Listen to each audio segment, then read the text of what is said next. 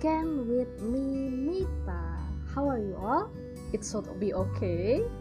For today, we just say hello and give a little motivation about not breaking down in the face of this existing life.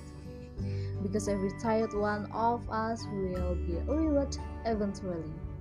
Okay, thank you for your time. Have a good afternoon and be happy.